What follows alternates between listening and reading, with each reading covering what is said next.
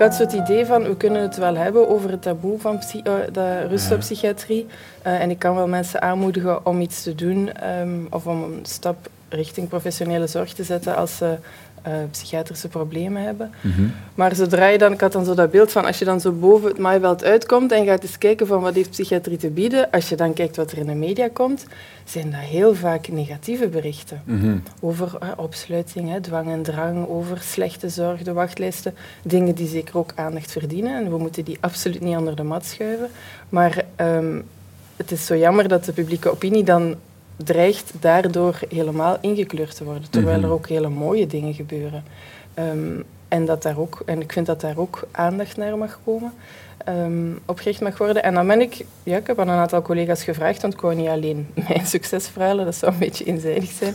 Van, hè, vertel het zijn er ook zoveel. ja, voilà. ja. Voilà.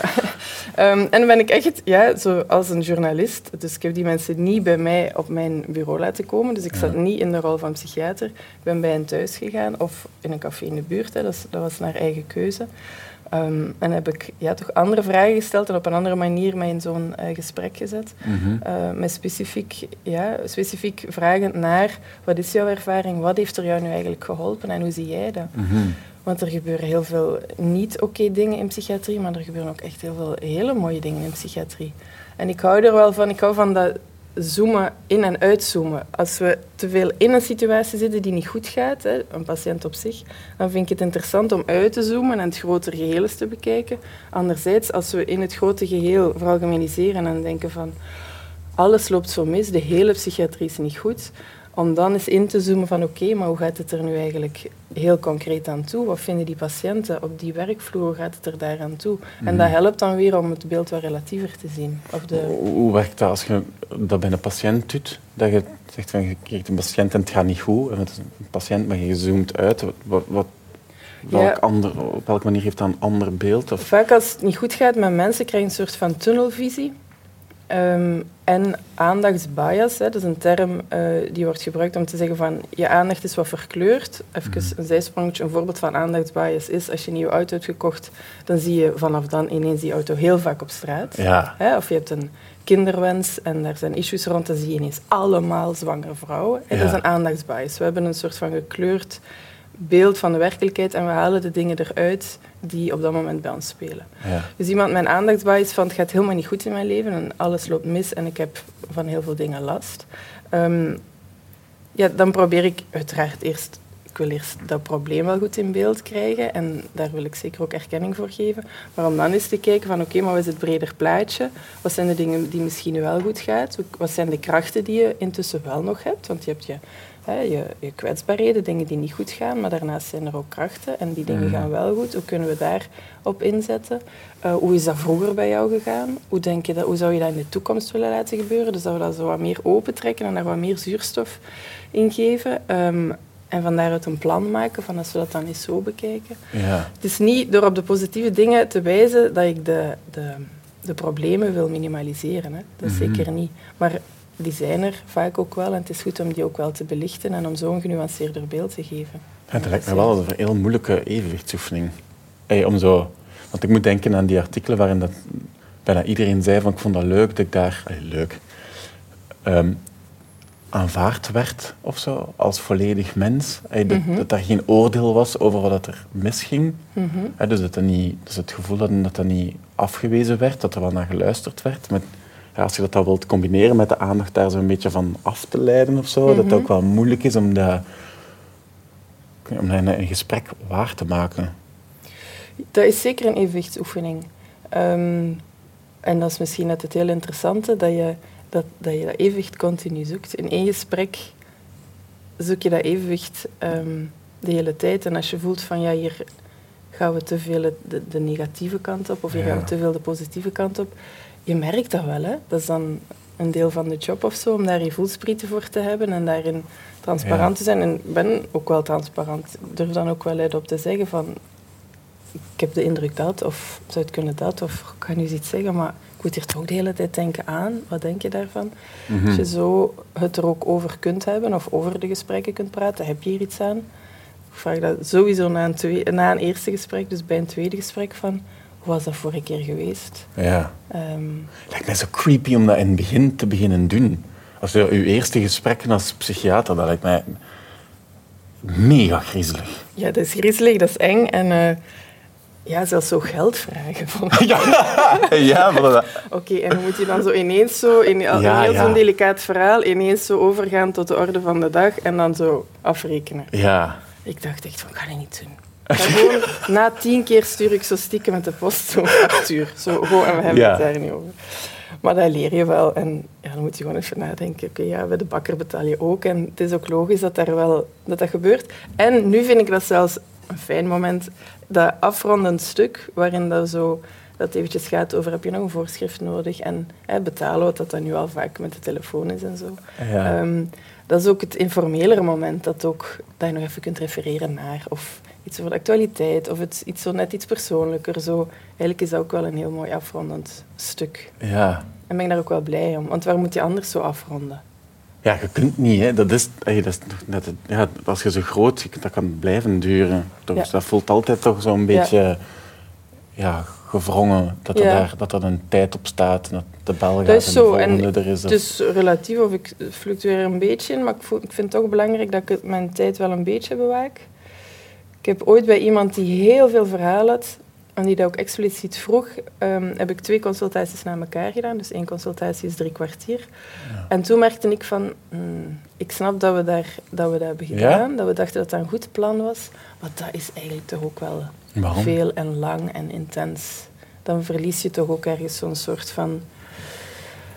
Scherpte. Ja, scherpte. Ja, ik ging zeggen, efficiëntie is niet juist het woord scherpte. Ja, dat was eigenlijk toch te veel. Het is ook goed als zo'n potje open gaat, dat de patiënt in kwestie ook het vertrouwen heeft dat ik dat op het juiste moment en op een goede manier weer ga sluiten. Ik denk dat dat ook een stuk is van de relatie die je hebt met elkaar. Mhm.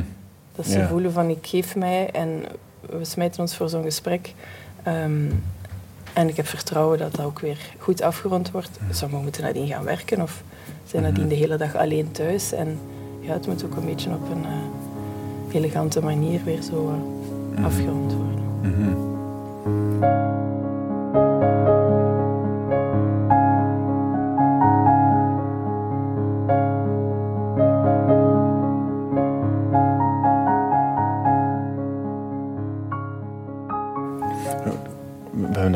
Tafel vaak over zo exploderende burn-out cijfers en mhm. depressie, zelfmoord. Eh, ja, mm goede tijden. Hoe,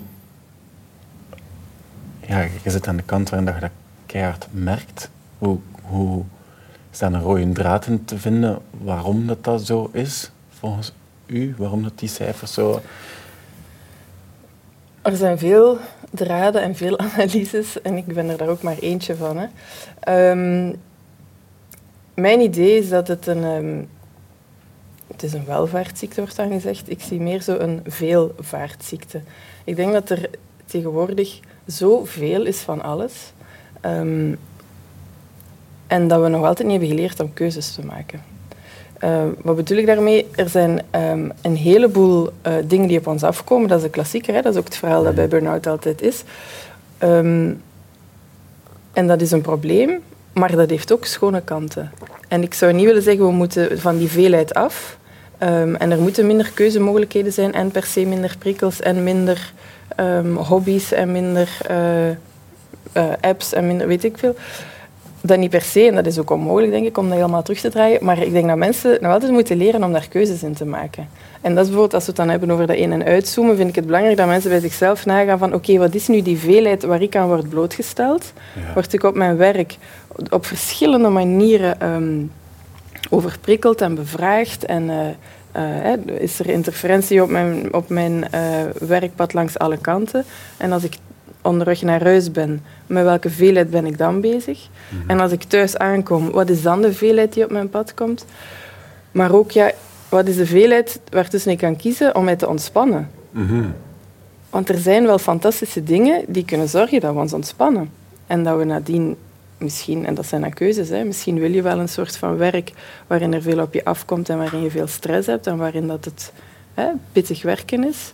Ehm, maar dan kun je niet ook nog s'avonds vol een bak pittig heel veel En dan ook nog in het weekend uitgaan naar vrienden en nog hè, theater en nog snel die opening en met de kinderen naar uh, zeven hobby's. Dat is allemaal te veel. En ik vind het belangrijk dat mensen leren om daar keuzes in te maken. Um, en daarin een balans te vinden. Mhm. Maar dat kan maar door eerst op jezelf terug te plooien en te onderzoeken van um, wat vind ik leuk, wat vind ik belangrijk, wat zijn mijn kernwaarden, um, wat geeft mij energie, mm waar, wat vraagt energie, waar gaat bij mij heel veel energie aan verloren. Mm wil ik voltijds werken, misschien wil ik wel deeltijds werken, daar is ook een veelheid aan mogelijkheden van Hè, mhm. statuten of zelfstandig of niet. Alles met zijn voor- en nadelen, daar niet van. Hè. Maar er zijn wel keuzemogelijkheden. Um, wil ik uh, naar de yoga twee straten verder? Of wil ik naar uh, een mhm. yoga uh, in de stad? Of wil ik dat Allemaal thuis doen? Ja. wil ik dat via YouTube thuis doen? Of ga ik een podcast luisteren? Of ga ik nu de meditatie via een app doen? Er zijn mogelijkheden genoeg. Um, en dat vind ik wel fantastisch, dat er mogelijkheden zijn. Maar sommige worden dan overvallen door keuzes en kiezen dan niks en doen dan niks van ontspannend of wat dan ook. Uh, anderen nemen wel hun tijd en dan vind ik dat, dat je hele mooie dingen ziet die echt zo bewust kiezen van kijk, op die manier werkt, werkt het niet voor mij, ik ga het uh, op een andere manier aanpakken. Ja. Um, Wordt dat dan het, het, nieuwe normaal, zeg maar? Dat we daar, want dat, dat klinkt echt als iets als je dat vertelt waar je hulp bij nodig hebt. Als je dat zo zegt, die veelheid zie dat niet snel gebeuren dat mensen dat allemaal op zichzelf zo wat kunnen bedenken. En dat we, daar, dat we zo wat standaard iedereen een therapeut zal hebben of zo. Binnen ja. dit en een paar jaar gewoon. Liefst niet, want er zijn er nu al te weinig. Hè. Ja, oké. ja. Dus liefst niet. Nee, ik, ja, ik kan maar hopen dat mensen geleidelijk gaan merken bij zichzelf dat het um, niet onoverkomelijk is en dat je keuzes kunt maken. Dat vind ik het gevaarlijke aan. Het ligt aan de maatschappij en de maatschappij moet veranderen. Um, dan zit bij mij de angst van ja, maar dan gaan mensen zitten wachten tot als die maatschappij verandert. Er mogen gerust dingen veranderen in de maatschappij. En ik denk dat, um, dat ook geneeskunde daar een verantwoordelijkheid kan nemen, dat volksgezondheid daar een verantwoordelijkheid heeft, daar niet van. Maar daar moeten we niet op zitten wachten. Ondertussen is het ook belangrijk om, om bij jezelf onderzoek te doen en te bekijken wat er anders kan ehm, en hoe je dat wil aanpakken. Maar dat vraagt tijd en dan moet je zelf ook gunnen, die tijd. En gesprekken. Je kunt daar ook over praten met vrienden die jou al lang kennen en, en, en uh, misschien kunnen verwijzen van ja, maar lees, bekijkt heb je toch nog nooit. Hè? Of je hebt toch altijd dit belangrijk gevonden. Dat soort gesprekken. Ja, ik zit te denken dat als naar, een, naar een therapeut gaan, dat dat zo onder welke andere omstandigheden geeft u zelf drie kwartier of een uur de tijd om een keer over uzelf na te denken met iemand anders en daar luid op over te praten? Liefst op café toch ook? Ah, ja, maar ik denk dat, dat mensen dat moeilijker vinden om te zeggen ik ga op café voor dan om naar een therapeut te gaan, omdat dat zo ergens iets, het dient daarvoor. Je betaalt ervoor en dan wordt het weer zoiets, uh, ik weet niet, een, een doel dat je haalt of zo. Terwijl op café gaan doelloos voelt en dat het het minder vanzelfsprekend maakt om daar tijd voor te maken. Terwijl dat zo mooi kan zijn.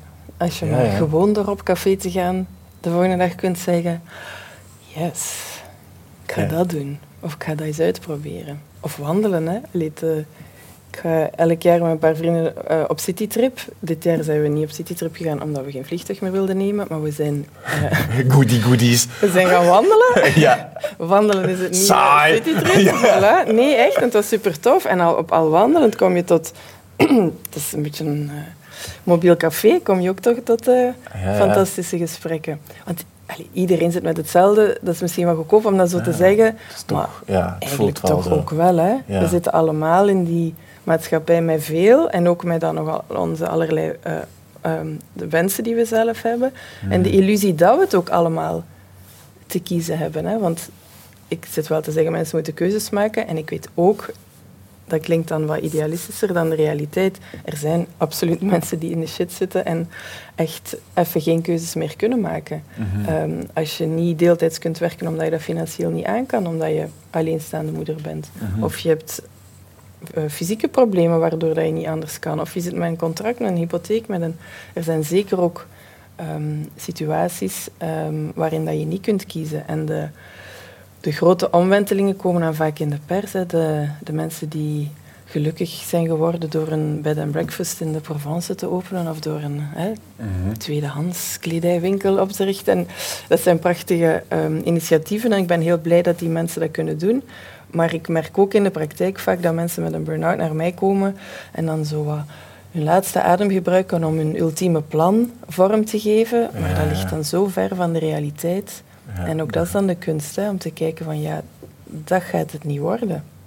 Uh, laten we kijken hoe we, dat is de manier waarop ik er daarmee aan de slag kan, hoe we je, je huidige werksituatie zo draaglijk mogelijk kunnen maken en zo haalbaar mogelijk. Maar misschien kunnen we daarnaast een belangrijke passie of een hobby terug opstarten of veel meer in de verf zetten of daar veel meer aandacht aan besteden, waardoor dat je daar je energie ook uithaalt en het werk iets relatiever is, dat je de problemen op je werk wat makkelijker aan kan of kan uh, loslaten, omdat je weet van maar straks heb ik die hobby, die passie en dat is, mijn, dat is ook belangrijk in mijn leven. Dat zijn ook hele mooie uh, keuzes die gemaakt kunnen worden en die een beetje indruisen tegen zo die uh, maakbaarheids... Um, dat maakbaarheidsideaal van hè, in die keuzes maken, wat ik nu net zelf zei, van gaan we zorgen dat we ons ideale leven hebben. Dat is mhm. niet altijd de realiteit natuurlijk. Mhm. Als je zo aan het wandelen bent, vind je het niet... Ik kan dat soms vervelend vinden als je zo bezig bent met al die keuzes en je zit er met andere mensen over aan het praten, dat je jezelf zo bezig hoort en denkt, oh, je zo wat moe wordt van jezelf. Ja, ik heb daar niet zoveel last van. Heb je daar geen last van? Nee, of ja, ik denk als je me hoort van jezelf, dan is het moment misschien om te luisteren naar de anderen.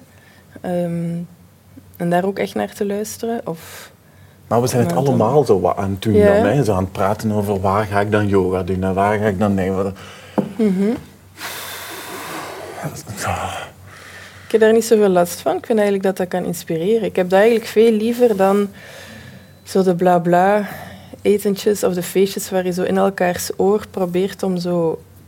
Hoe is het? Ja, ça va, druk, ja. Ja, ja, dat is Daar heb ik het zo nog net iets lastiger mee. Zo. Ja. En dan goed dansen doet ook deugd natuurlijk. Ja. het is een combinatie die wel interessant is natuurlijk. Even de afwisseling.